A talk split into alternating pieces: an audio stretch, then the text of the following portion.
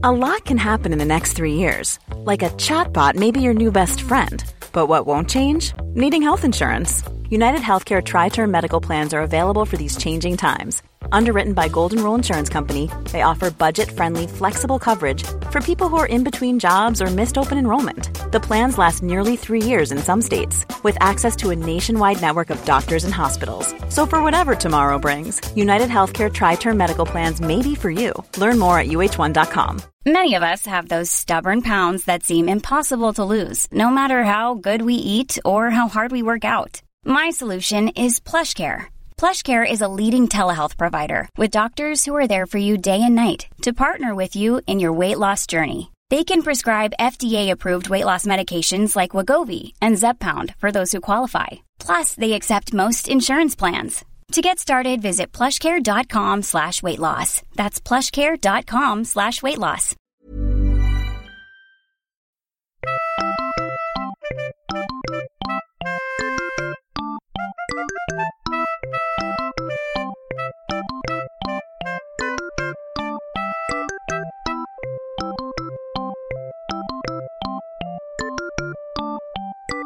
Hej!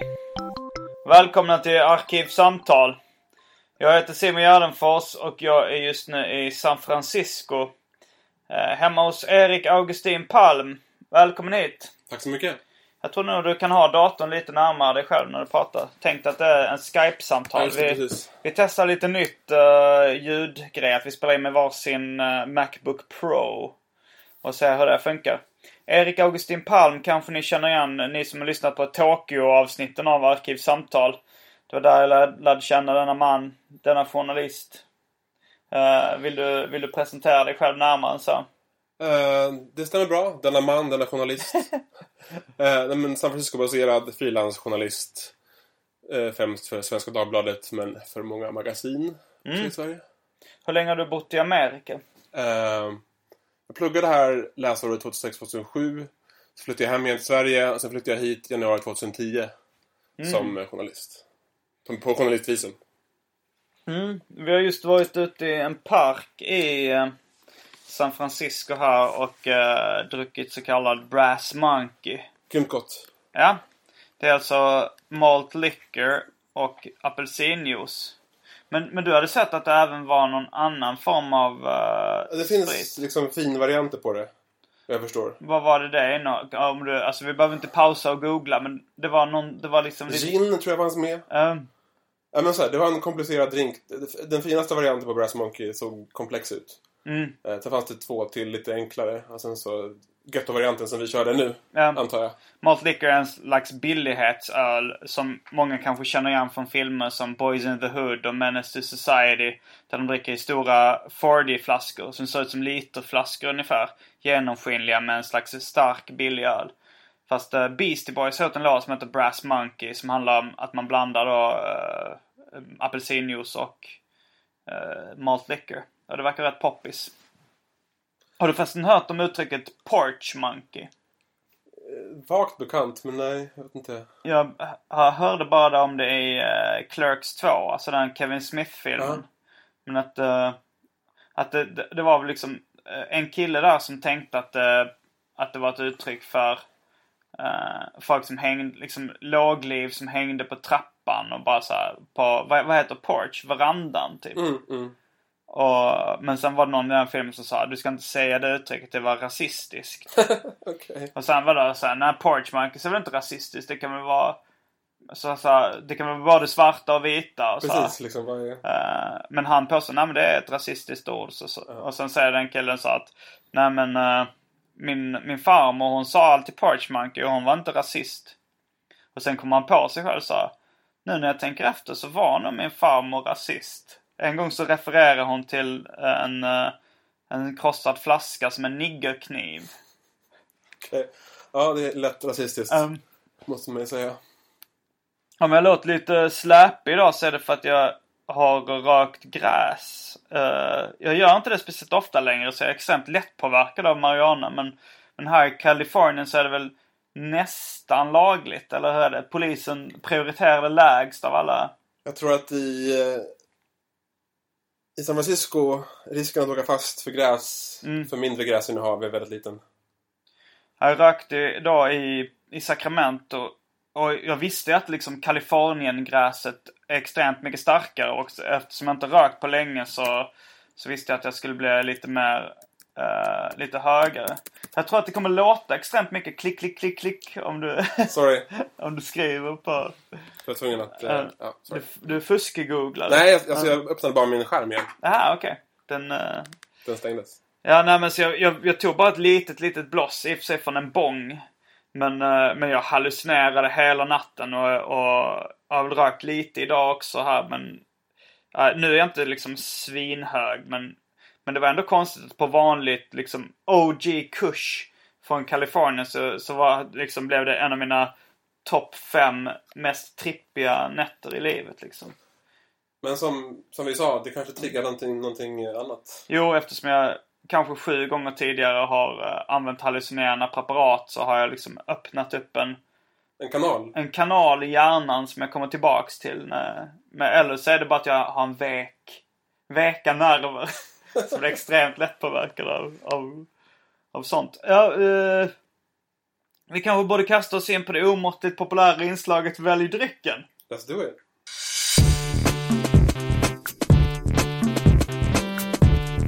Jag tror vi börjar med det fasta inslaget Välj drycken! Mm. Eh, jag har kvar lite Brass Monkey i ryggsäcken. Det vill säga Old English 800 Malt Liquor och uh, apelsinjuice. eh, I en skön harmoni. Sen eh, köpte vi lite drycker också. Vad var det vi köpte?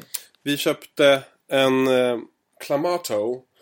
I don't know. Mm. Det är Eh, mexikanskt va? eh, precis. Eh, en, nej, den heter ju faktiskt så mycket som eh, Chelada. Och Clamato är bara en ingrediens i denna Bud Light och Clamato-blandning som blir Chelada. För det står, ja det står Bud Light and, And Clamato, och sen så Chelada. Precis. Men det är ganska, det är ganska, vi ska försöka bena upp hela den här grejen. För som jag minns det så var det så att i Mexiko så eh, då fanns det vanlig öl och sen fanns det michelada. Som var liksom att man blandade öl med tomatjuice, Precis. lite tabasco typ, eller någon stark sås. Som en slags öl Bloody Mary på något sätt. liksom. Ja, öl Bloody Mary. Man kunde även hälla i liksom Worcestershire sås i vissa. Mm. Eh, Ännu mer som det. Ja. men men uh, Chela var det, Mexiko, det var mexikanska ordet för bärs. Alltså, Chelada är nog, är nog resultatet av de här två ihop. Aha. Liksom. Tror jag, eller hur? Det måste vara så. Det, det är ekvationen här. Bud Light och Clamato equals Chelada. Det kanske det är, fast, jag, fast Clamato tror jag är typ en sorts michelada med, med clam. Alltså att det är typ, att det är musselsmak Mm. också. Då kanske det är så här Clamato-extrakt och Bud Light Det kan det vara. som tillsammans De har hittat på en egen grej. Chelada. Ja, lyssnarna får skriva in till arkivsamtal at simongmail.com och bena upp Clamato, Chelada, Michelada, Chela och eh, mexikanska fetischen för att dricka kryddig öl med tomatsmak. Ja, det är upp till lyssnarna att bena upp det. Vi, eh, vi kanske bara helt enkelt ska välja drycken. Vad har vi mer? en double IPA. Precis, en eh, Double Bastard. Hur många procent är den? 11,2. Vi försökte få tag på ett Barley Wine eftersom eh, Fredrik Jonsson, serieförläggaren och allt vad han nu är, han sa liksom att eh, han bör, jag, jag träffade honom häromdagen, eller för några veckor sedan, och då sa han liksom, började han prata om Double IPA och Barley Wine i, i Bay Area och San Francisco. Och det verkar väl vara lite samma sak fast Barley Wine är ännu starkare. Mm, 13 någonting va, sa han. Vinstarkt. Yes, eh, vilken vill du ha? Uh, ja, jag är nog lite sugen på den här Clamato. Eller ska vi köra en... En saxpåse sten? Ja. Det kan vi göra. Mm. Okej, ett, två, tre. Du vann. Ja, då betyder inte att jag får välja då. Är det inte ett av tre? Okej, det kan vara ett av tre. Men det är inte så bra radio. Det är sant, det är helt Det sant. hade ju lika gärna kunnat Du gå vann. vidare nu. Kör kör Okej, men då tar jag Clamaton så All får right. du double bastard. Är det sant? Det, det är tråkig lyssning med, med, med en lång session sten, sax, påse. Det, Jag för mig eh, i Japan så, så var det någon som föreslog att vi skulle ha Hela havet stormar. Och jag var, var så, hade druckit så mycket Strong Zero så jag tyckte det lät som en bra idé. Jag tänkte Strong Zero är förrädiskt. Alltså denna Ja. dryck som vi under två, tre månader för din del um, umgicks med. missbrukade ska man ju nästan kunna säga. Den är äcklig alltså, men det blev liksom the household drink i höstas. Det blev livsstil. Den här Clamato var faktiskt väldigt god. Eh, jag tror att innan vi avbröt eh, den här sessionen så skulle jag berätta om en äcklig räka som fanns på en, en uh, michelada jag köpte i, i Sacramento.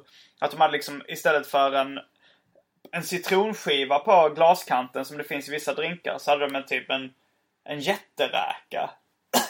Det- Jag blev så jävla äcklad av det. Jag mådde illa hela kvällen bara för, på grund av den sy- De synen. ser rätt liksom monstruösa ut. Och de ser rätt så här onaturliga ut på något sätt. Mm. Jätte, alltså, eller hur? Jätteräkorna. Ja. Jag tror du ska sitta lite närmare Ja. din mick. eh, Det vill säga skrivbordet på datorn. Shibidoo. Mm. I do. Vad tyckte du om din double bastard? Den är väldigt mörk alltså. Den Den är mörk, ganska, alltså. ganska krävande. faktiskt. Det är inte helt min kopp te liksom. Min kopp öl. Så vad har hänt sen sist? Sen vi träffade Erik Augustin Palm sist i Tokyo. Vad, vad har du gjort? Du har intervjuat en del kändisar har jag sett på Facebook och Twitter. och så. Ja, det då och då. Precis. Eh, men jag kommer tillbaka hit i november. Eh, samma dag som valet var. Mm.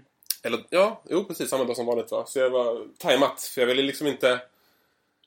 Jag ville inte åka tillbaka till ett USA som inte Obama Men, liksom ledde. På något sätt. Samtidigt ville jag liksom inte försumma min tid i Japan. Så det blev ett val mellan de två. ja. Ehm, men det var bra att han vann. Eh, tror jag. Eh, I don't know. vad, vad skulle det vara bättre om... Vad hette den andra? Nej, nej, det är klart att det var bra att Mm. han vann. Självklart. Mm. nej men så här. Det finns, ja, nej men absolut. Det var, det var glädje då. Glädje. Mm. Ehm, Mm. och sen så, nej men jag har eh, varit mest. Men så gjorde jag liksom en, jag gjorde en sju veckors resa nyligen. Jag var i Sverige över påsk. Ja. Och sen Ja, så- det var då, då träffades vi senast faktiskt. Mm. På en japansk restaurang som var rätt usel. Ja, Remedius. Um, Ja. Gå inte dit, stockholmare. Nej, den var, det var inte så schysst alltså. Uh, Ehm, nej men sen så drog jag runt i sju veckor. Jag drog till New York två veckor. Sen så drog jag till Miami, Key West. eh, och Mexiko och New Orleans. mm, Så det blev en sån här lång resa på olika, olika reportage och sådär liksom. mm. Så det var kul. Jag tror... Jag, jag kollar på en plansch nu från Arrested Development. Mm. Det är kanske det som jag... Jag vet inte av någon anledning blivit mest imponerad av att du intervjuat dem. det gänget. Då, är- då är jag sådär ändå liksom... Det är inte min favorit-tv-serie. Alltså jag tycker på något sätt... Det är roligare än de flesta tv-serier. Det är in, jag tycker inte lika kul som Simma Lugnt, Larry och Seinfeld. Inte? Men jag tycker det är roligare än Tre och en halv män och uh, How I Met Your Mother. Jag vet nog ingen, jag tycker nog att jag vet nog ingen annan tv-serie som, är, som får mig att skratta så mycket som, som Arrested Development. De tidiga, Mm. alltså, de 1 till 3, säsong 1 till 3. Eh, som sagt, nu, de avsnitt jag sett från nya säsongen är inte så eh, fantastiska. De är schyssta, men det Mm. Vem var roligast privat av de skådisarna? David Cross, klart. Alltså jag träffade Det är han vi ser framför oss nu. Alia Shawkat som spelar Maybe, Michael Cera som spelar George Michael Mm. och eh, David Cross som spelar Tobias Funke. Mm. Eh, men du kan förstå vilken besvikelse för mig sen när de kommer till Sverige. Så hela Ja. min liksom Hela det balla är att jag träffade Ja, dem i LA ja, ja. lite grann på något sätt nedgraderades liksom. Och att, att de Mm. tog sig hela vägen till Stockholm. Hemskt. Jag träffade en, en, eh, en tv-kändis på, på det här brö- jag, jag kanske ska berätta lite vad jag gör i, i Kalifornien nu. Det är Maria Grudemoel Hayek som är känd från den här podcasten tidigare. Hennes kusin har gift sig i, eh, i Kalifornien. Quincy, Kalifornien. Tre timmar från Sacramento där de bor. Så vi har varit på bröllop där. Och då träffade jag en, eh, en av de gästerna där på bröllopet, en av liksom brudgummens bästa polare, det var typ eh, Bobo som har uh, tv-serien eh, Searching for Bigfoot på Animal Planet. Har du sett den? Jag hade inte heller sett det. Jag kollade lite på det på YouTube bara liksom. Men han, men han är liksom en, en kuf som 100% tror på Bigfoot. Att det är en ras. Jag kommer inte ihåg vad den sortens ras av djur heter. Men så går de ut och letar efter den liksom och går, hänger på redneck-barer och frågar runt om liksom historier om Bigfoot. Och sen ser de spår från honom och de hörde prassla i buskarna och sånt där. Men han var extremt tråkig privat. Han ville liksom... Han, han gick bara runt och såg sur ut och pratade knappt med någon. Speciellt inte någon han inte kände sen innan. Men han har varit en karaktär i South Park. Ja, det såg jag på din blogg. Precis. Mm. Men, men hur, alltså, det var alltså han i South Park? Jag tror inte det var hans röst. Det var nog bara en parodi Jo, men, liksom, det, var, men det var en parodi på honom liksom? Ja, ja. han- okej. ja, men det programmet var hyfsat stort. Det är alltså, man märkte det på kidsen. imponerande ändå liksom, att bli, en, att bli liksom driven med i South Park. Liksom, Um, Måste jag säga. så kollar du fortfarande på South Park? Nu har det varit uppehåll i tusen år så att... eh, Har du haft det eller du har haft det? Nej, nej, nej, men serien i sig själv. Jaha, det har är det. uppehåll just nu. Tror jag. Jo. Nej, jag Nej, men jag älskar. South Park. Jag, jag tycker att, till skillnad från typ The Simpsons tycker jag bara att det blir bättre och bättre i South Park. Alltså. Jag har inte sett, alltså jag, jag har inte sett så mycket South Park. Det var en gång jag var i Vietnam som jag köpte så här. Av någon anledning köpte jag en DVD-box med Family Guy. Som jag aldrig hade liksom uppskattat innan. Eh, men då kollade jag på det och det är ju det, när jag väl såg det var ju svinkul liksom. Men det är ingen, varken Simpsons, South Park eller Family Guy följer jag så här slaviskt. Nej. Men du har gjort det med South Park eller? Nej, ingen, alltså, ingen av de tre har följt slaviskt. Men jag diggar alla tre. Alltså Simpsons liksom är ju så på något sätt grundläggande alltså anima- animations-tv-serie som på något sätt så här, skapat en ny genre liksom. Så, Ja. så det, det är svårt för någon annan animerad tv-serie att slå Simpsons. Men Simpsons blir liksom tyvärr liksom gradvis sämre och sämre liksom. Ja. Men South Park, de bara vässar sina liksom på något sätt sin så här, alltså sin samhällskritik liksom, alltså allt det där som man tycker South är så bra för blir bara bättre och bättre tycker jag. Alltså själva, Mm. alltså det vassa på något sätt i serien. Så här, Jag kanske skulle börja kolla på det igen. Men... Uh, jag för mig Simpsons är det som har spelat in flest eh, avsnitt sammanlagt. Mm. Uh, Scooby-Doo var det de gick om. okej. Scooby-Doo hade spelat in typ 600 någonting. Och sen höll Simpsons på att gå om. Men så kom den här animerade filmen med...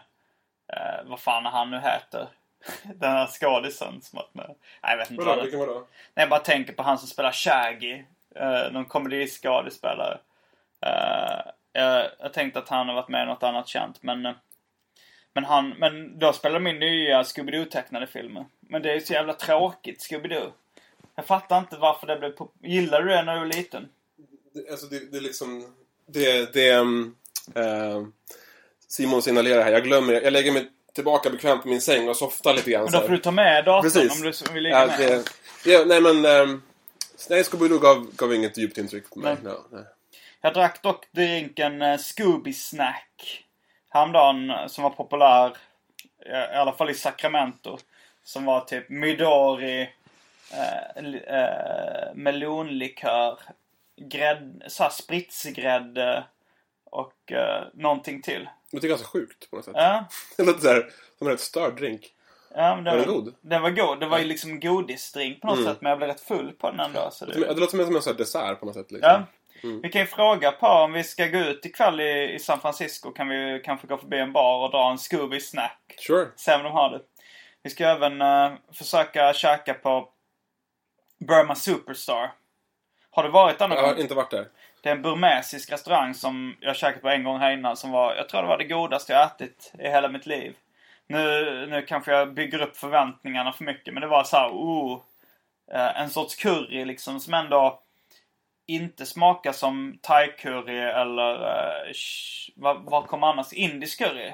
Varken där liksom, men det var liksom en annan sås. Eller japansk curry. Ja, det finns japansk curry också. Också asgod. Ja, jag gillar det. Det, det finns även svensk curry, alltså så här, Alltså så här, det var en vanlig gul jävla kycklingcurry liksom som var poppis på 60-talet i Sverige. Men det måste ha varit någon sorts liksom, importrätt såklart. Fast det är Jo, ju... Det är ju alla förutom Precis. indiska. Visst. Eh, men, men just uh, burmesiska currygrejen var ju svingott. Curry betyder ju egentligen bara blandning. Ungefär som sallad betyder också bara blandning. Eh, men... Men eh, vad, vad, var det, vad var det bästa? För att, som jag, vi sa innan vi började spela in den här podcasten så när jag lyssnade på de sista avsnitten när du var i Japan, när jag hade Mm. åkt hem. Eh, så blev din podcast nästan som en matpodcast. Ja. liksom. Men vad var det bästa du, eh, du upplevde i matväg i, i Tokyo? Ja, det var förmodligen uh, Unagi, ålstället. Där de... eh, det var en sötvattensål. Det var någon... Eh, någon nejsägare på, på min blogg som var väldigt upprörd över att jag hade käkat ål eftersom jag är ut- utrotningshotad. Men då kan man ju liksom... Eh, eh, det var i och för sig odlad ål där. De, hade, de odlade ju själv i sjöar liksom så att... Det är frågan ifall det är bättre ifall Fritzl liksom själv föder upp sina barn för att plåga dem eller om han tar oskyldiga frigående barn. Är det jämförbart på det sättet? Jag. Ja, alltså allting kan man väl jämföra. Jag, jag likställer inte det men jag Ja. jämför det. Ja, visst, man kan, man kan jämföra mycket Ja. liksom. Så, så kan det vara så här en orimlig jämförelse. Ja, det kan inte relevant. Men jag, ja, men jag tycker ändå det var... Ja, skitsamma. Unagi, eh, det var ett ställe i Nakano. Som även gick förbi där. Och då såg jag att de hade liksom upphängda serierutor från Oshimbo. Den eh, mest kända matmangan. Så då gick vi in där liksom och, och käkade. Det var så svingott. De liksom utnyttjade allting från ålen. De friterade till och med ryggraden så att det blev någon slags krispigt snack. Och som man liksom drack öl och käkade. Och, men sen gick jag hem och kollade i Oshimbo. Eller de visade, de hade till och med liksom de volymerna. Och visade att det var liksom, det var det populära, det var det eh, huvudrollen i den serien. Hans favoritrestaurang var den lilla liksom hålet i väggen i Okej. Nakano. Right. Och det var, det var nog en av de bästa. Men sen även liksom hamburgerkulturen där. Jag köpte så hamburgermanga också. Där de gick igenom grymma hamburgerställen. Det var ett ställe som hette Franklin Ave. Som var den godaste hamburgaren jag ätit i hela mitt liv. Den var, det var kanske godare än den jag käkade nu i Sacramento som heter Squeeze In. Squeeze with Det såg cheese. gott ut. Ja. Alltså jag är liksom också burgarkonnässör. Men, Ja. men, nej, men jag har inte kört just den varianten. Men ostkjol. Nej, ostkjolen var då att de liksom hällde så mycket ost på burgaren när den stektes på en stekplasta så att osten smälte och rann ner. Och, och bildade en slags hård platta av ost som var liksom En cheese curd, ja. En Ja. cheese skirt. Ja. En ostkjol. Och det, det var liksom squeeze in i Sacramento. Nu hade de öppnat typ fem squeeze in i Sacramento-området för att det blivit så poppis. Men, men eh, man måste ändå åka dit för att testa det. För att det finns inte någon annanstans i USA. Där det var liksom... eh, Det finns, det finns väl någon slags matkanal här i USA. Typ Food, Food Network. Network, ja visst. De hade liksom gjort ett reportage om Okej. squeeze, squeeze with cheese. så att det var, det var liksom en hype kring Ja. det. Sacramento, ja. Ja. Men det var rätt trist tyckte du, eller? Alltså som stad var det ju ganska tråkigt. Men, eh, men det var ju liksom... Men, men nu, nu har du varit i de så här tre centrala städerna i Kalifornien. Så här, San Francisco, LA och Sacramento. Ja, Eh, jag har inte tänkt på att det är de tre centrala städerna. men de tre Är det de tre största städerna i viktigaste Kalifornien? städerna. Eh, nej, jag tror att eh, San Francisco är inte på den skalan. Jag var Men i San Diego också fast inte under den här... det är bara 800 000 här i San Francisco, vilket är lite så här Ja, men Bay Area är väl... Är det 7 miljoner? Så att, eh, Ja, alltså det var någon som sa att det är ungefär som att Malmö, Stockholm och eh, Göteborg sitter ihop. Ja, visst. Nej, men, så att, men trots att det är mindre än Stockholm så här, till antal som bor i stan inom stadsgränsen så, så känns det ju mycket större. Ja, det känns som en större stad. Alltså vibben liksom. Ja. Ja. Jo, men jag hade, alltså... eh, Sacramento är väl den staden som får falla bort då ifall liksom jag får välja vilken stad jag hade velat bo i. Men det är ganska svårt att välja mellan eh, LA och San Okej, Francisco. men, men stad att semester i då liksom? Att ta, ta några dagars semester. Ja. Eh, Det beror på vad man har för intressen. Alltså, så här, Men eh, du, du. Jag, jag tycker det är exakt lika kul. I SF och LA? ja, Det känns som ungefär. ett diplomatiskt svar för att jag bor här. Du vet om att jag tycker om SF Nej mest. men det har jag sagt innan också. Eh, men det är så här på något sätt att LA... eh, det, det är man kan inte hänga runt på samma sätt. Man är inte fri på samma sätt som man är här. alltså här kan man gå omkring och hänga och slappa. Det är mer avslappnat. Men Eller alltså, man är fri eller man har bil. Ja. Liksom. Det är lite som att jämföra Malmö och Stockholm. Nu tycker jag liksom Nej. att Malmö är lite lättare att hänga runt i så här, och, och träffa folk i. Men, men Stockholm, det är högre kvalitet på kulturen skulle jag säga i LA. Alltså, nej, nej. När det gäller så här finkultur, om man pratar om det lite sådär löst, vad det nu är exakt, så vinner San Francisco lätt. Ja men jag är totalt ointresserad av så Okej, kallad men okej, finkultur. jag vet. men, men, om vi går vidare på kulturskalan. Även gällande liksom eh, fulkultur. Eller så här subkultur eller popkultur. Mm. Så liksom... Nej, alltså LA har, LA har mycket av det, men alltså... Det är bättre, alltså så Det, här, det är de närmare grejerna till det här. Det är- är en mycket närmare sträcka till det här på något sätt. I LA liksom... Okej, om du vet exakt var du ska bege dig för att hitta Mm. vissa fenomen eller vissa människor, så visst. Men som stad, du, liksom, du kan inte lika lätt ramla in i någonting sånt som du gör här liksom. Nej, det kan man inte säga. Men nu har man internet och, och sådär så att man kan ju... Alltså såhär, de kulturyttringar jag gillar är såhär stand-up comedy, tecknade serier, rapmusik. eh, bland annat. Och då, må, då måste man ju säga att de bästa uh, ståuppkomikerna, rapmusikerna eh, och uh, serietecknarna. Det finns må- många fler i LA än vad det finns i San Francisco. Säg inte det. Säg några bra rappare från San Francisco som bor i San Francisco idag. Alla. Alltså i Oakland. Alltså i och för sig Too alltså, Short det, det finns ju liksom, jag menar, alltså, om man ska räkna upp Bay Area-rappare finns det ju så många både historiskt och nu. Men så här, både du och jag är ju fan av eh, Black Alicious. ja, Black Alicious, Ja. eller liksom Quantum Crew. Ja. Som är liksom en hel myriad av bra rappare. Ja, i och för exempel. Eh, jag menar, alltså det finns... Jo, jag nej tror- men jag har svårt att välja. Men, men jag känner att eh, du är ju lite mer lokalpatriotisk också. Men det, det ju hörs ju som- tydligt här liksom. Ja. Men, det, det, det är skönt. Alltså, det är skönt för jag har liksom inte varit det med någon stad innan riktigt. Nej. Så. Jag, var inte, jag har aldrig varit som i Stockholm, definitivt inte. Eh, så det känns skönt att vara lite, sådär, lite orimligt såhär. Fast Men- fortfarande såhär, det finns ju fakta men såhär, man såhär, nej! Det är min stad, eh, jag försvarar den. Men eh, vi snackar med att gå till så stand-up comedy ställe ikväll och kolla. Mm. Vad, vad kan du rekommendera här? Eh, det finns, i North Beach finns det Cobbs eh, Comedy Club. Som är eh, en av de större i stan, en av de äldre i stan. De har säkert någonting ikväll, någon sån här mindre komiker en vardag liksom. Eh, Men det är inga så här öppen så här, det finns det också, massa grejer så. alltså, överallt i stan sådär. Mm. Men alltså, det finns ju några större liksom, stand-up clubs liksom, som är schyssta. Jag ser att du inte är här under eh, SF Sketchfest. Du borde komma hit någon gång under den festivalen. Mm. Nej, då, då kommer liksom ha- alla... Vad fan är det? Ehm, jag tror att det är under vintern någon gång. Mm. Jag är osäker nu. Men eh, då kommer liksom hela stand-up-eliten hit. För det är en så lång festival. Och den har så här anor liksom Ja. inom komedivärlden. Mm. Så det är liksom en fin, det är en bra grej att göra, att göra SF Sketchfest för komiker i Ja. USA. Men kommer det, finns det några lokala förmågor härifrån nu som är... Arch Barker tycker jag är schysst. Jag vet Eh, inte vem det är. Han...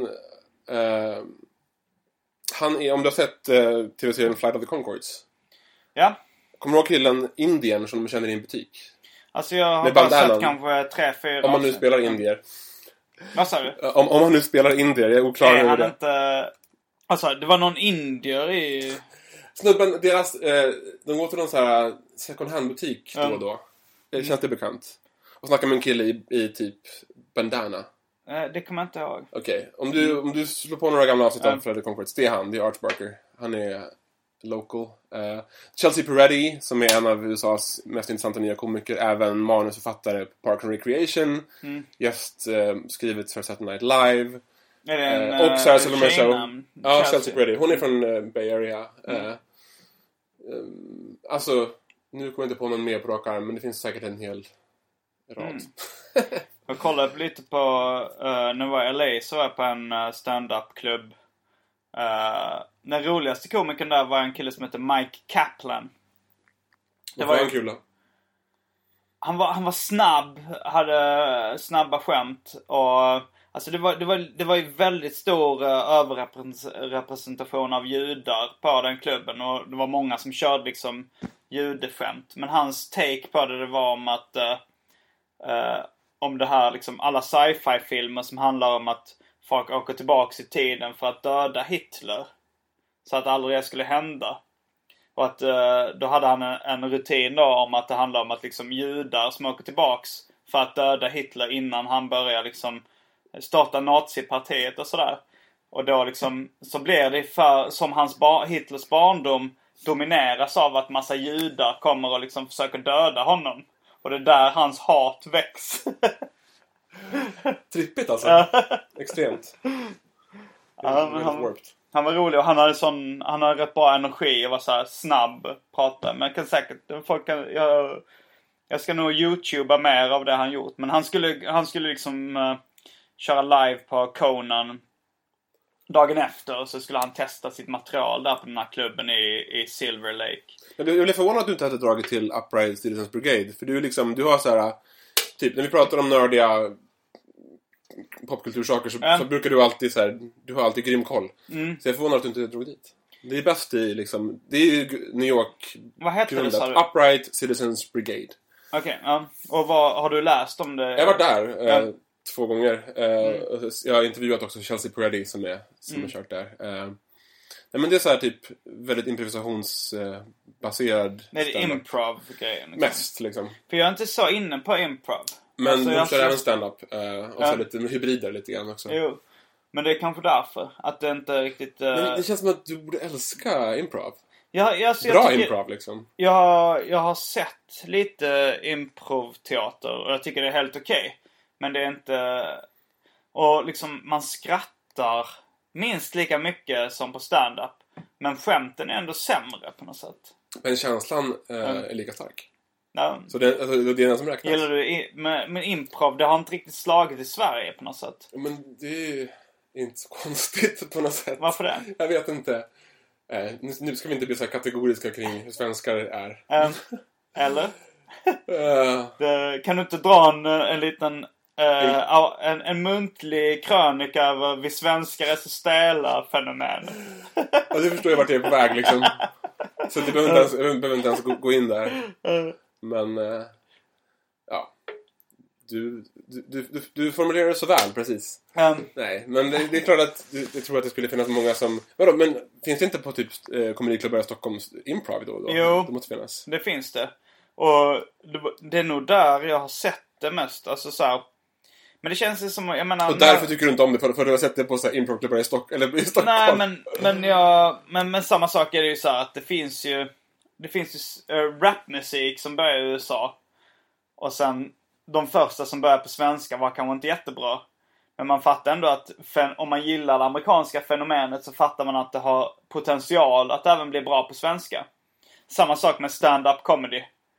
Att eh, man såg liksom Chris Rock och, och kanske Jerry Seinfeld eller eh, uh, Zach Galifianakis som är roliga amerikaner. Och sen Adde Malmberg och de första svenska stupparna var inte så kul. Men man fa- jag fattar ändå, okej det här formatet har potential. Och improv tänker jag så här, jag gillar inte det alls lika mycket som stand-up eller rap liksom. Så det är där, där jag tänker att okej, jag har sett det på svenska. Det var, det var ganska bra ändå det jag såg. Liksom, jag blev imponerad. Oj, hur fan kan de komma på det här? Men improv liksom är ju den mest, så här, typ, den mest eh, slumpmässiga, oväntade humorformen på något sätt. Liksom. Den är ju, för att särskilt när det liksom... Är, vi, kan du kanske beskriva för den, eh, för den unge lyssnaren vad improv är för någonting? improvisation. Ja. Så det är Eh, en, teater. en mindre eller större grupp... Äh, större? En, en mindre eller större grupp eh, människor på scen Mm. eh, improviserar en sketch kring ett visst tema eller en an, angivet ord eller, eller vad det nu än kan Mm. vara som är liksom utgångspunkten. Liksom. Eh, Men i USA så har, är det på något sätt också en, en språngbräda till en karriär inom eh, alltså teater, tv-serier, eh, film. Alltså såhär... Ja, visst. s- vet du, Men- men om- SNL, Jo. Saturday Night Live, där kommer väldigt många från improvscenen och eh, även så här Simma Lugnt Larry. Jag läste en, en liksom bok om det. Eller en biografi om honom och då plockade de liksom skådisar till den. Hans fru till exempel. Som jag inte kommer ihåg vad hon hette. Men hon var liksom en ja. känd improv-skådis. Och, och den tv-serien bygger rätt mycket på att de improviserar. Alltså deras, blir- deras, det, det finns alltså, Simma Lugnt Larry, eh, eller som det heter på riktigt, Curb Your Enthusiasm. Jag hatar Simma Lugnt Larry. Jag gillar det översättning. faktiskt. Den är, nej, den är hemsk, den är vidrig. Eh, men alltså den är så ojämn när det gäller liksom så här, typ dynamik mellan personer. Att. Vissa känns ju extremt övertygande i, Ja. sitt, i sitt kompiskap eller par. Som de två känns faktiskt som ett par. Ja. Fast de inte är det på riktigt. Men eh, sen, det är så ojämnt. Men det är ju liksom också så här typ eh, konsekvensen av eh, en improv-serie liksom. Om Mm. man, om man kör ut utan egentligt manus liksom så blir det ojämnt Ja, liksom. de har ju manus. Alltså, de Men de har inget exakt manus. Nej. Liksom. Nej. Men jag tycker det ändå... Det är den bästa tv-serien som eh, inte har lagts ner. Skulle jag säga Simma Lugnt Larry. Du säger det ändå. Ja, Simma lugnt Larry. Men det är ett roligt ord. Alltså, äh, vet du vad uh, The Wire hette på svensk TV först? Nej, jag har nog... Om jag har läst det har jag nog förträngt det, tror jag. I narkotikans spår. Just det! Precis. Och, det är fantastiskt. och Dåligt. den här som vi pratade om. Vad heter den nu? Firma Ruffel och Bygg. Ja, just det. Arrested Development. ja, visst, ja. Den hette ju Firma Ruffel och Bygg. Men Det, det är helt fruktansvärt. Fast, fast, fast det är också på något sätt... Det är så himla spexigt så det blir, det blir kul också. Jo, sätt. men jag tycker nästan Simma Lugnt Larry är så spexigt. Att man tänker den här gamla gubben på SVT som har fått i uppdrag att Men översätta. vem myntade detta ord då? Eh, Simma lugnt Larry? Någon sån här TV-inköparperson? Simma lugnt Larry? Alltså hur kom de på? Det måste vi kalla det i Sverige. Ja, men curb your enthusiasm. Det betyder egentligen simma lugnt. Jo visst, eller det betyder liksom så här typ, du vet. Lugna- lugna ner liksom. Ja, simma precis. lugnt. Jo visst, men ändå. Larry. Du vet, vissa ord som betyder exakt samma sak är mycket ballare på engelska än på svenska liksom. Jag skulle nog säga att simma lugnt Larry är ballare än curb your enthusiasm. Tycker du det? ja. Jag kan hålla med om att firma Ruffle Bygg. alltså eh, Simma lugnt Larry är så här ball på typ just det nivå i sådana fall liksom. Jo, men jag tror det, det känns, alltså just det har varit ute så länge nu och så bespottat. Precis, Så det precis. börjar bli hett igen. Ja fast det är fortfarande Att det börjar bli coolt. Ja men det, det, det, det är så här ballt med sunkig eftersmak liksom. Ja, Typ jo, så. det är det ju. Ja, men det är, det är väl som liksom... Likadant som, som, som titeln Simma lugnt Larry liksom. Ja, eller så lite så här, Nattsudd. det är lite så här... tja, ja, men Jag vet inte. Det, ja, jag Ja. förstår vibben du, du menar. Men, Ja. men själva känslan av ordet är sunkigt. Ja, jag kan tänka mig att det är samma person som äh, döpte Pang i bygget. Alltså den Fawlty Det är, samma, Towers. det är i alla fall samma skola, garanterat. Ja. Samma skola av, av översättningar av titlar, helt klart. Men jag kommer ihåg att folk, när jag gick på dagis, då sa typ, då var det ett, ett uh, trenduttryck, pang i bygget. Att det var så här typ om man bara här, oj, herre jävlar. Om någon... Och det var kaos typ liksom? Eller? Om någon välte ner, om någon råkar välta en stol så sa någon pang i bygget. och sen kom tv-serien Pang i bygget liksom som var bara baserat på det uttrycket.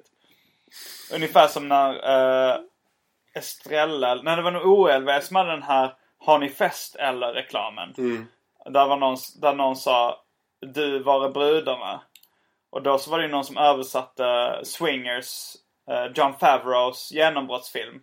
Till, som ett eh, Swingers på engelska, översatte den till Du var brudarna på svenska. Det är sant. Och den floppade lite på grund av den titeln i Sverige. För att alla tänkte vad fan är det här för skitfilm? Du var brudarna. Men det är en riktigt bra film när man väl ser den. Eh, apropå det vi pratade om tidigare, komikern Ja. från San Francisco. Robin Williams, for God's sake. Han bor ju här. Jag, jag var, Ja. var tvungen att, att eh, lägga till det. Jo. Till, till, till Men låt oss eh, prata lite om Robin Williams. okej. Patch Adams. När han eh, är med sån röd lösnäsa, ledsna, medkännande ögon i en läkarrock. Ja. Är det verkligen någon som du är stolt Finns- kan Det finns många andra delar av Robin Williams som är... Ja, Han är en nyansernas man. jo, han, han är kanske Såg mångfacetterad. du honom i Louis? Det var rätt bra. Nej, det var han med i Louis. Alltså, ett- för, för den unga lyssnaren, jag vet inte, eller för den... eh, Louis, Louis CK's tv-serie då kanske vi ska säga. Mm. Komikern Louis CK's tv-serie. Jag har inte sett så mycket men jag kollade lite på planet hit. Ja. Jag har sett kanske fem avsnitt. Ja, men då, men då är det ett tag kvar till det här avsnittet. Men, jo, men de möts. Alltså han...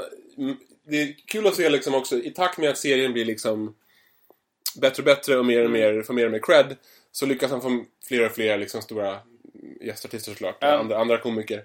Och Robin Williams, det var som att när han så här, typ graceade med sin presence liksom, Ja. Louis, då var det så här, typ att det var någon som någon sorts liksom egen Oscar i någon, i någon, i någon mån tycker jag. Alltså, han, Men, eh, Visst, han har gjort mycket tattigt. men vad har han gjort också- för bra? När han går runt och visslar i Döda Poeters Sällskap. Nej, Ge mig en paus. Han, han, ehm, han, ja. Vad ska Ha, jag säga? är han inte en Kejsarens nya kläder-karaktär? Att han har, han har, bara, han har fått ett gott rykte. Han har byggt upp ett luft, luftslott av gott rykte. Utan att ha gjort något bra egentligen. Han, han är duktig i tv-soffor liksom, men han har inte så mycket att ge egentligen menar du? Men han kanske var bra stand-up-komiker. Jag har faktiskt inte sett hans stand-up. Har du det? Ja, jag tror fan inte det. Nej. Men för jag tror han var nog en, en habil ståuppkomiker. Alltså som Jerry Seinfeld skulle jag säga också bara var en habil ståuppkomiker. Jag tycker Han inte han är bra. hejdlös. Alltså, jag har aldrig skrattat åt, åt hans stand-up. Nej. Alltså, jag tycker nog att... eh, Seinfeld och Louis är bra på samma sätt. Eh, Ja. Det vill säga själva liksom, alltså sketcherna liksom, mell- mellan partierna. Men, Både Seinfelds och Louis CK stand-up är, jag tycker det är dåligt alltså. tycker du det? Ja. Jag tycker nog, alltså Louis är ju mer modern. Och jag tycker Nej, gillar- han är fan primitiv och jag förstår inte liksom hur, hur han kan vara så extremt liksom, eh, hur hans stand-up kan vara så omtyckt och analyseras med sån liksom noggrannhet liksom av, jag vet inte. Eh, Jag kan hålla med om att han är överskattad som ståuppkomiker. Jag, men han är jag, briljant som tv-serieskapare, måste sägas i samma... För att, Fast Larry han. David, Larry David är nog mer liksom fantastisk som tv-serieskapare.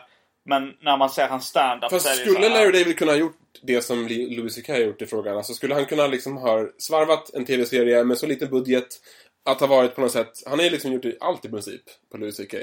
Jo, Eller jag säger på Louis, Louis CK. Ja, han är liksom så här.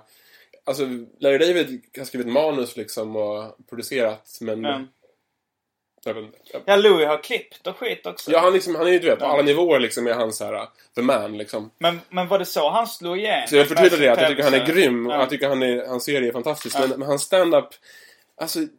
För han, jag tycker, det känns som att det primärt handlar om väldigt så här, chockerande billiga poänger liksom. Men är det någon stand-up-komiker du gillar? Eller hatar du stand-up i Nej, allmänhet? nej, nej. nej. Vilka Eh, gillar du då? alltså jag tycker David Cross är grym. Jag vet knappt vem det är. Alltså det är hans från, ja ja, ja. Ja, alltså, Eh, senast, från uh, jag såg honom- Ruffel och Bygg. Jag såg honom i Seattle. Jag var på så här skivbolaget Sub Pops 20-årsjubileum i Seattle. Och Mm. Då, hade de en, en um, komedikväll Ja. med, med komiker som har getts ut på, indie-komiker som har getts ut på Sub Pop. Mm. Eh, och det var liksom, det, det var nog, det var en av mina tre roligaste, måste det vara, typ eh, scenshower. Jag kan du nämna de andra på rak Nej men det bara känns Ja. säkert att säga så. Det var Ja, väldigt det är högt det. uppe. ehm. Mm. Jo men eh, Larry till exempel. Alltså han, skrev, han slog igenom med Seinfeld, eh, alltså halkade in lite på ett bananskal där för att Jerry redan var känd ståuppare och fick den tv-serien. Och sen när de har gjort en succé med Seinfeld så kunde han göra då Simma Lugnt Larry. Vilken jag tycker, alltså så här, i efterhand tycker jag Larry David är mycket mer begåvad än Jerry Seinfeld. Både som manusförfattare och som Absolut, människa. självklart. Visst. Men, men jag tror inte, men Larry han har aldrig varit en stor ståuppare. Alltså han börjar som stand-up-komiker men...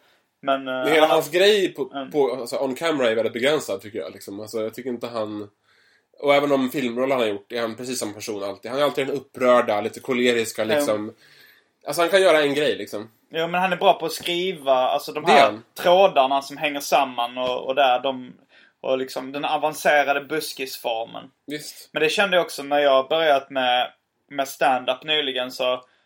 eh, så, så liksom, känn, då höll jag på att fort, eh, fortfarande skriva specialisterna uh, radiositcomen. Som ni kan uh, youtuba fram, sök på specialisterna humor så kommer ni hitta den. Eh, I andra säsongen börjar vi då med sitcom. Och då kände jag, fan det här går rätt lätt att skriva sitcom och det blir roligt. Liksom mitt första försök att göra det. Men sen när jag, när jag liksom testade stand-up kände jag liksom, fan det här går inte alls speciellt lätt. Alltså jag tycker fortfarande det är roligt och jag känner att jag utvecklas och kanske har, kommer att bli bra en vacker dag. Men, men jag tänkte liksom ändå så här, hur kan jag vara så dålig på stand-up när jag är så bra på att skriva eh, sitcom-historier? Men då tänkte jag det kanske, det kanske inte är riktigt samma, samma nerv som krävs. Eller Det är samma familj, det är samma träd Ja. av... Men visst, det är en annan gren. Helt klart. Ja, det var fint uttryckt. det märks att du jobbar med ord. Eller hur? Det är sånt som gör det. Det är sånt som gör det. Det är därför jag är här. Ja, det är därför du bor i San Francisco. Ja. Sådana briljanta formuleringar. Hur, kom, hur, kom det, hur kom det sig nu att du, att du liksom bosatte det här? Alltså jag blev fascinerad av San Francisco när jag var kanske 16-17 av ett... ehm, på grund av ett indieband som heter Red House Painters. Mm. eh, som inte finns längre. eh, som typ romantiserar den här stan. eh, de sjunger om olika delar i San Francisco. Det, alltså att de fångar någon slags här stämning som jag älskade. eh, Kombinerat med att jag förstod att det var det mest liksom så här, vänster inriktade, öppna amerikanska storstaden borta från New York. Eh, Men på, på rätt kust. På Ja, västkusten. det är nog ännu mer än New York ska jag säga. Alltså, jo, men alltså för New York, men fast jag vet inte om det är en, ännu mer egentligen. Det är svårt att mäta, men New York är så mycket. Alltså, det, här, det är en liten stad i jämförelse det här liksom. Så att, nej men så att, sen jag var 17 har jag typ velat Mm. dra hit. 2005 backpackade jag här. Och blev förälskad i stan. Och sen så liksom, har det fortsatt. Ja, det lät ju så jävla... Alltså jag, jag har ju länge varit ett stort fan av Crumb, serietecknaren Robert Crumb som startade liksom underground-seriegrejen i stort sett. Här? Ja, alltså han kom ifrån eh, Cleveland. Men sen där fick jag också en rätt romantiserad bild av San Francisco. Comics, Zap Comics, vad det jag skulle säga förut. Ja, Kommer, känner du till det? ja, ja såklart. Ja. För det var nog det jag nämnde, vi ville komma till förut när jag sa någonting annat. Ja, just. ja, Weirdo eh, var ju hans andra tidning, men Precis. Zap Comics startade här. Men, men där, liksom, när jag läste om Crumb, då fick jag en extremt romantiserad bild av eh, San Francisco. Men det var just under hippie-eran också. Att Crumb typ hängde i, i Cleveland, en ganska tråkig amerikansk småstad. Kan man säga. Och så liksom, så träffade var, hängde han med några killar i en bar en gång som liksom var så här. Men vi ska dra till San Francisco. Och Crumb kände att han hade inget kvar att hämta i Cleveland liksom. Så han bara hängde med dem. Utan att ha en... Och liksom bara så här, Och då, började, då tog de LSD och, och rökte på. Och sen liksom bara låg han i någon affär de första dagarna. Och sen liksom bosatte han så här och startade då Zap Comics som blev liksom grunden till hela underground-seriefenomenet. Men, men sen efter det, Weirdo startade nog efter det som även Peter Bagg var eh, redaktör för ett tag. Mm, mm. Pete Bagg alltså, det är grymt. Har du träffat honom? då? Nej, tyvärr. Men jag har träffat Los Bros Hernandez. Bor de också här i, stan? Nej, jag tror att en bror bor eventuellt i norra Kalifornien. Mm. Eller i Kalifornien i alla fall. Den andra bor... Alltså Gilbert bor i Mm. Vegas. Är båda homosexuella eller ingen? Ingen. Men, men de ger ett väldigt gay Ja, intryck. du, du snackade med som honom sagt. förut. Jag vet inte varför Mm. du tycker det, men ingen Nej är men eh, jag har sett, eh, har du sett filmen eh, Comic Book Confidential? Nej, jag har inte gjort det. Nej. Den är från eh, tidigt 90-tal skulle jag säga, men eh, skulle jag gissa på. Men det, det liksom handlar om underground-serietecknare. Mhm. Den är väldigt, den fick mig verkligen att vilja bli serietecknare den filmen. Jag hade väl börjat teckna serier men Mm. det ser så coolt ut liksom. De lirarna i den filmen är så coola. Men där är det en av Bros Hernandez som liksom ritar på en eh, en så här eh, whiteboard eller typ på en uh, och, nej men så här blädderblock Mm. med en spritpenna. Och då kör han ganska så här klassisk uh, fjollgay kliché språk och kroppsspråk. Mm. Så det är därför jag tänkte Det där är ju farligt om man liksom förenklar vad kroppsspråk kan innebära. Liksom. Kan Jo, vara- nej men om du till exempel har rakad skalle. Typ en- häromkvällen så var på en bar här i San Francisco. Eh, en stad som, som du vet är full av bögar. Så, Ja, det är väl accepterat i alla fall. Man kan säga det, man kan säga det. Eh, nej men det är väl liksom USAs böghuvudstad. Eh, sen så... Så var jag var på någon bar med ett kompisgäng och började snacka med någon snubbe som jag trodde garanterat var bög. Mm. Liksom. Eh, uppfyllde liksom på något sätt den väldigt klyschiga idén om det. Inte liksom att han var så här extrem på något sätt, men så här liksom i sin, jag vet inte, i sitt, i sitt beteende. Men sen så hade han så här världens hetaste brud. Mm. Eh, och var inte alls bög. Nej, men det Vilket hänt jag liksom inte antar så fort jag träffar någon feminin man. Men så här, Nej men kanske inte feminin men, men det finns ju, det finns ju ändå en viss, alltså ungefär som hiphoppare har ju ett visst kroppsspråk Jo, och en viss eh, klädstil, Ja. en viss attityd. Ja, det var kul. Som antyder så här, jag är hiphoppare, jag lyssnar på den här musiken, det här är Ja, min grej. ja. Så finns det inom gaykulturen finns det en viss eh, Jo, visst. röstmelodi, men alltså, det, det, det roliga med, ja. med gaystilen i San Francisco är väl att den är, så, den är verkligen mångfasetterad. I och med att det är liksom USAs böghuvudstad Ja. så finns det så många falanger av bögar här. Ja. Så att, okej, det finns den kategori som är sådär superflamboyanta som Ja. kommer kanske få typ såhär Kansas och bara såhär vill flytta hit för Ja. att frigöra sig liksom. Mm. Men sen finns det så här typ tio schatteringar till liksom. Alltså, Ja, björn, och- och- och- och- björnbögar. Det är typ, björnbögar liksom är, är nummer ett skulle jag säga nu. Är det det största? Det är det hippaste liksom. Mm. Och så här, män, muskulösa män, alternativt småfeta och muskulösa män. I, Ja. typ, i typ rutiga skogsstora skjortor. Och de går, de kanske håller, de går i hand i hand men de, hela deras kroppsspråk är väldigt maskulint. Liksom. Ja. Inte, ingenting som signalerar typ någon form av liksom... eh, Femininitet. Det är Nej. väldigt så här brute liksom. Ja, men jag lyssnar på en podcast, uh, Blowhard. Michael Ingram. Eller nej, uh, vet du, någon, någonting Ingram. Uh, Blowhard? Ja, men det, han är en polare med Kevin Smith. Okej. Uh, Du men- Menar du Bob Moles podcast? nej, alltså han heter...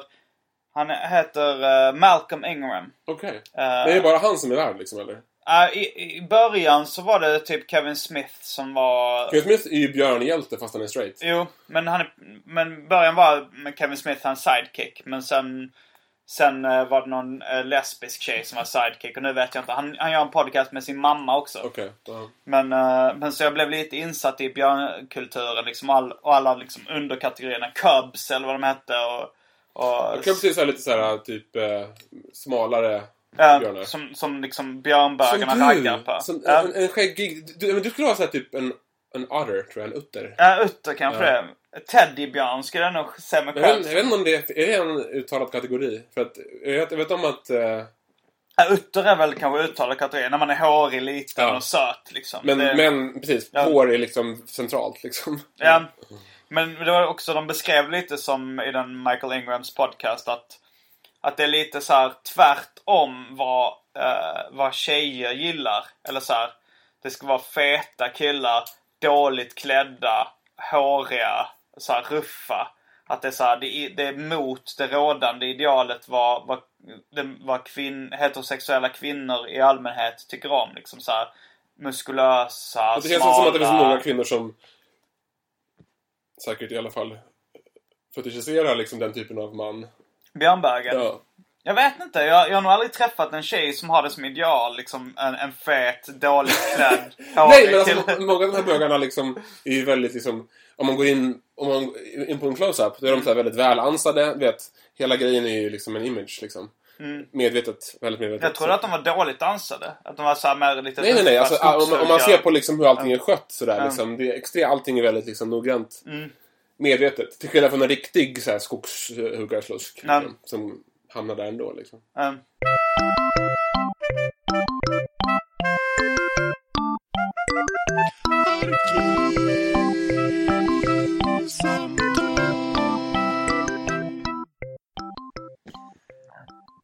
Oh, välkomna till... välkomna till del tre av den här podcasten. Har druckit rätt mycket alkohol och eh, jag, Simon Gärdenfors, har rökt marijuana eh, två dagar i rad. Så jag är lite, lite, jag vet inte om det märks, det märks förmodligen. Men jag är inte helt hundra. Eh, vi har, eh, vad var det du skulle göra nu? Du ska gå på toaletten och sen komma tillbaka med chips och ett kortspel. Precis. Ja, men ett kortspel som jag har insett att du... Det, det, det, det är liksom Simon Gärdenfors kortspel. Och jag är återigen förvånad att du inte känner till detta. Cards nördiga. Against Humanity. Cards Against namn. Humanity. Det är ett spel eh, tillverkat av ett kompisgäng i Chicago. Eh, via, tror jag, en Kickstarter-kampanj. Eh, Ett så här nördgäng eh, i high school som... Eller college. Som... Vet förresten folk i, kick, i Sverige vad Kickstarter är? men en crowd, en eh, crowdfunding site, det vill säga... Folk skänker pengar för att genomföra till ändamål de, till ändamål de själva liksom tycker om. Liksom, musik eller eh, andra eh, Mm. fenomen som kortspel. Eh, och ja, det är så här som spelet Apples för Apples. Känner du till det? Amerikanskt Nej, jag har hört om referenser till det i amerikansk populärkultur. Men jag vet inte exakt Men det är liksom, alltså poängen är att det, det är liksom ett ordassociationsspel. Mm. Eh, så att en person eh, får ett svart kort Mm. eh, och får en fråga eller ett, en mening som ska fyllas i. Ja. Och eh, helst ska man vara många. Man ska helst vara typ 7-8. Det Mm. blir det bäst. Liksom. Eh, får vita kort med alternativ som de kan fylla i i de här mellanrummen eller svara på frågorna med. Eh, och det, så det är väldigt simpel liksom, eh, idé, rent sådär te- tekniskt. Liksom. Men eh, själva resultatet är fantastiskt för att de här alternativen är helt liksom, från det mest obskyrt filosofiska till det mest obscent absurda. Eh, så meningarna liksom, så svaren och meningarna man fyller i blir liksom eh, det blir så, om man tycker om absurdistisk humor liksom, finns det liksom ingen roligare. Apokalyptisk humor. Eller vad sa du? Absurdistisk. Apo- Shit, vilken genre kan det vara? Apokalyptisk humor alltså. Ja, det, men låter jag, ju, jag, det borde inte det finnas så här, jordens undergång-humor? det låter ju fantastiskt. Det vill jag. Finns det inga, alltså inte Star Trek eller något sånt apokalyptisk humor?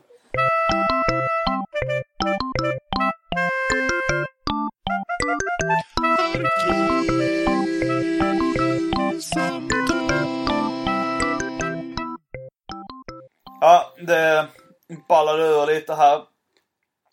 nu sitter vi och äter uh, chips av märket Kettle Brand Potato Chips Sea Salt and Vinegar. Great taste... Punkt, punkt, punkt, naturally trademark. Alltså att de har ens orkat uh, trademarka meningen Great taste naturally. Jag Du, lite. Du, det är USA. Alltså allting här är trademarkat. Liksom det så det är. Mm. Men eh, har det slagit, alltså så här, salt och vinäger, det känns som en brittisk grej. Från början. Mm. Har, det, har det slagit i Sverige? Har du tänkt på att, alltså så här, de, det känns som Har de inte, försöker. har inte Estella någon form av... Är inte du typ sponsrad av någon chipsföretag förut? Eh, jag, bara när vi gjorde en um, ostsnackpodd. Du och Anna Fahl hade någon slags Ja. snack... eh, Då fick jag en låda. Både från Estrella och Olv, Ja. eller hur? Olv. Ja. Mm. Säger, säger du Olv eller Olv? OLV. Okej. Old London Vasa står det för. Men, Då, då eh, bör man säga OLV. ja. Men så du fick du en låda var, eller hur? Från Ja. både, och så, vem vann då? Vilka som hade godast? Ja.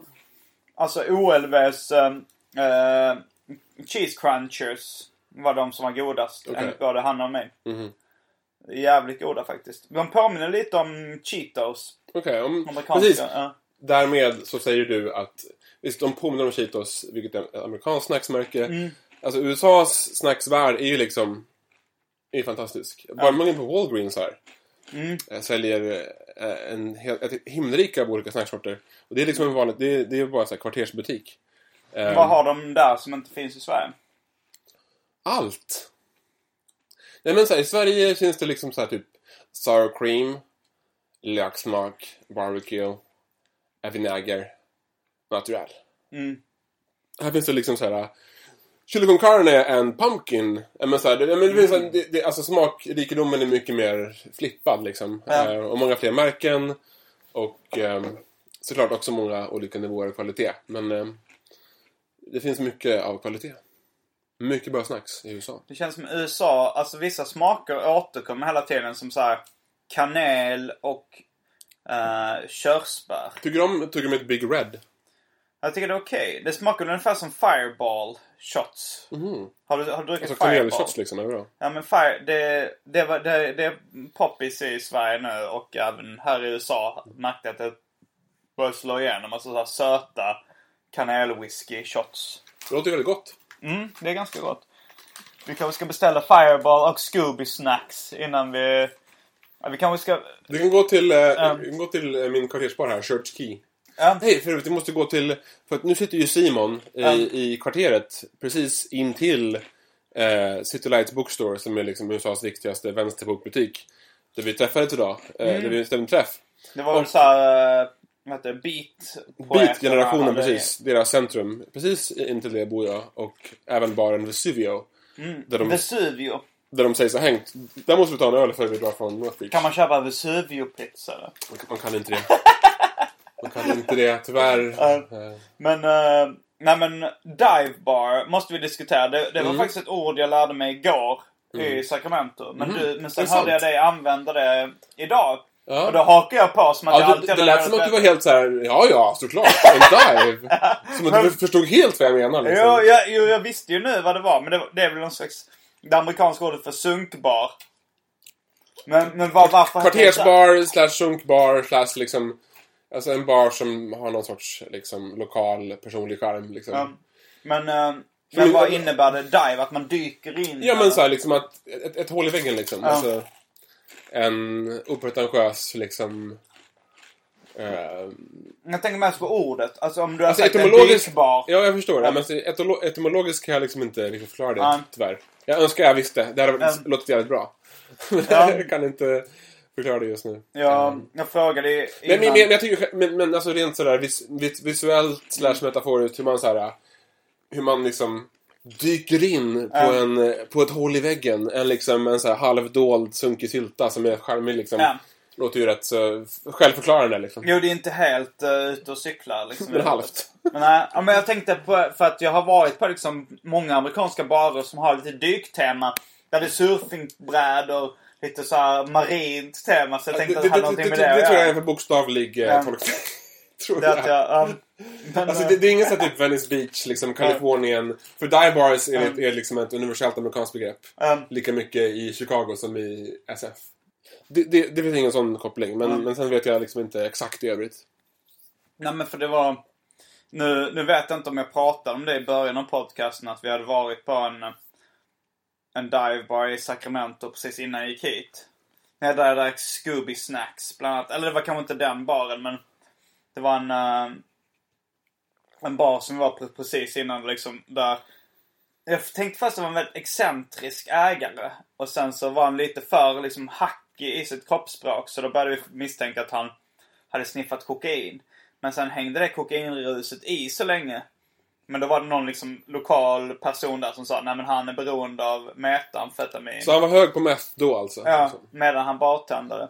Men hur verkade han? Verkade han liksom stingslig liksom, eller verkade han så här... Alltså hetsig men ändå okej liksom? Han var ju trevlig men han ryckte i kroppen och Han hade konstiga små spasmer liksom och så liksom. Ja. Och han släppte inte in någon annan i sin monolog liksom. Typisk amfetamineffekt, ja. Mm, Men vad är, vad är skillnaden på metamfetamin och amfetamin? Alltså jag vet inte hur jag ska förklara det rent kemiskt. Jag menar, meth är mycket starkare Det är liksom. bara starkare. Ja. Det så, ju. Man kan ju röka båda liksom, eller sniffa båda. Men eh, meth är, röks ju oftast och är bara fett starkt. Och, du, och liksom giftigt liksom. Apropå mät, eh, hade inte du eh, intervjuat någon också eh, i den här tv-serien Breaking Bad? Jo, jag har intervjuat, jag har faktiskt ehm, intervjuat dem vid två tillfällen. På Comic Con förra året Mm. intervjuade hela gänget. Eh, även regissören Vince, Gilligan. Och sen så nu fick jag... Det var helt fantastiskt. Det var som en så här... eh, Jag vet inte, alltså jag är ju tv-serienörd. Så så jag fick åka till Albuquerque och delta på inspelningen av ett Breaking Bad-avsnitt. Mhm. Vilket var helt fantastiskt. Och jag kom en dag tidigare. Så jag um, åkte runt bara och kollade in Albuquerque. Och sen så tänkte jag att någon måste ju slå mynt av det här liksom. Någon Ja. måste ju så här. I och med att, vem åker annars till Albuquerque i Mexiko? Ing- ingen. Så att den här stan måste ju använda det här till sin fördel på något sätt. Och då fanns det mycket riktigt så här, en godisförsäljare som tillverkade eh, liksom blått crystal meth. Som, eh, Ja, som godis. precis, som, Socker. som i serien liksom. Ja. Eh, och de var även eh, de ansvariga för den största, den, den inofficiella, officiella touren av Albuquerque. Eh, Av liksom locations för tv-serien. Mm. Så vi åkte runt i limousin. Jag och typ två till kollegor, bara sådär på slump första dagen.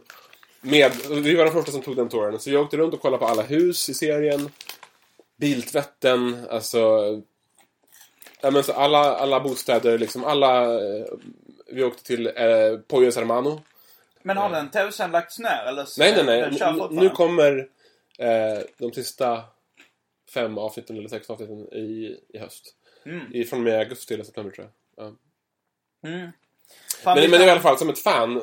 Ja, Det, det är fantastiskt när, liksom, när typ ens yrke och så här, ens så här, nördighet sammanfaller. Liksom. Mm. Det är härligt.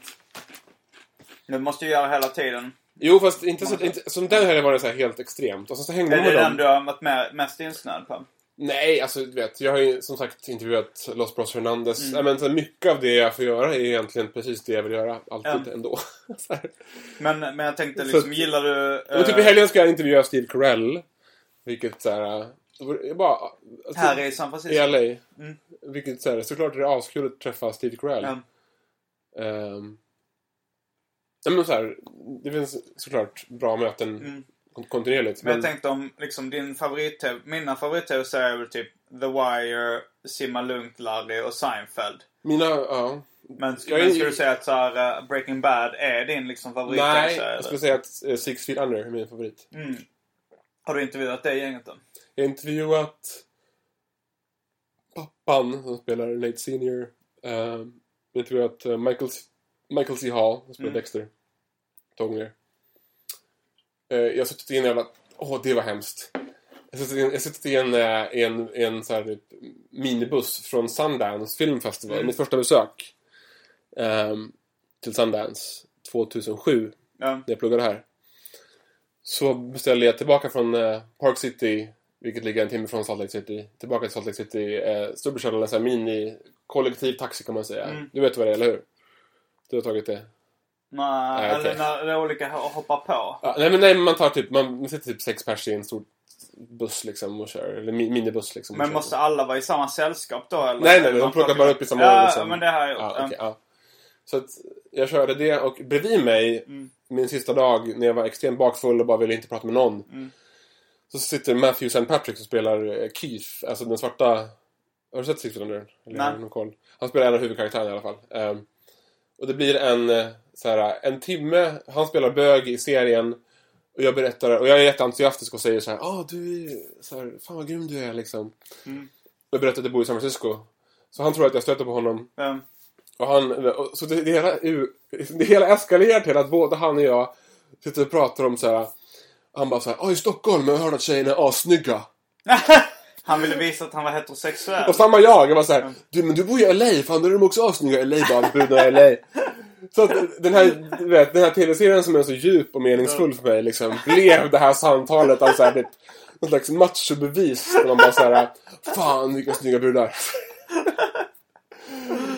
ja, men eh, det var, det var intressant. Det, menar, sen dess har jag intervjuat många stjärnor och de flesta är väldigt fulla av fel och är väldigt mänskliga liksom. Eh, Är det en klassiker det här, möt inte dina idoler liksom? Stämmer det? Nej, alltså, det- jag, jag tycker jag har träffat många nu av mina idoler Ja. och jag tycker att ofta så har det varit lite en besvikelse, ja.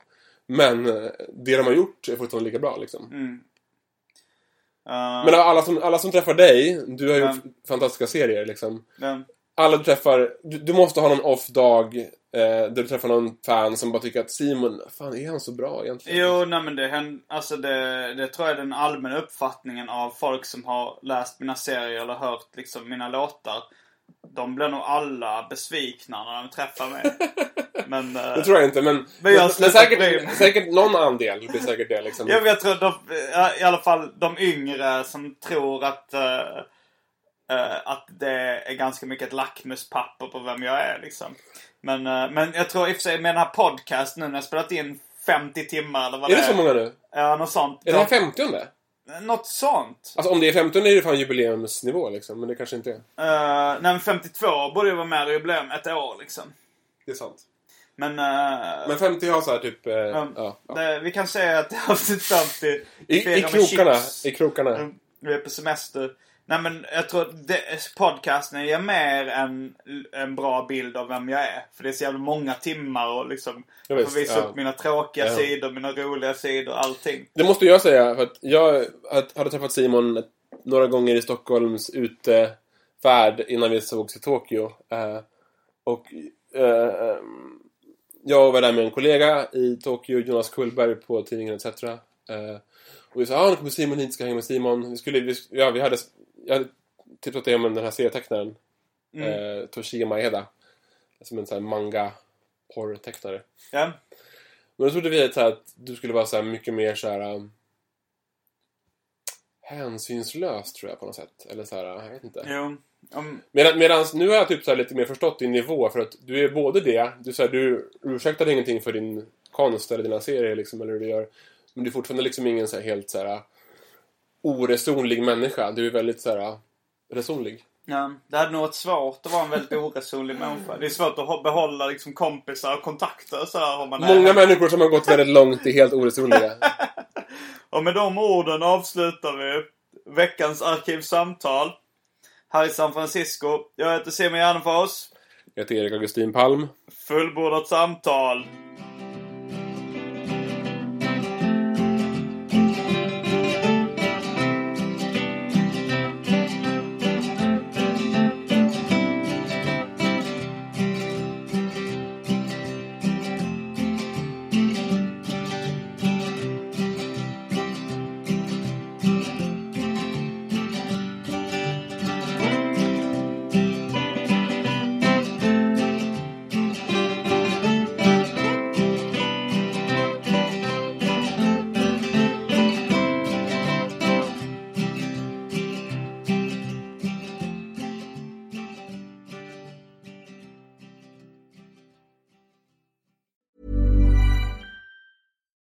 We're on a budget, we still deserve nice things. Quince is a place to scoop up stunning high-end goods for 50 to 80% less than similar brands. They have buttery soft cashmere sweaters starting at $50, luxurious Italian leather bags, and so much more. Plus, Quince only works with factories that use safe, ethical, and responsible manufacturing. Get the high-end goods you'll love without the high price tag with Quince. Go to quince.com slash style for free shipping and 365-day returns.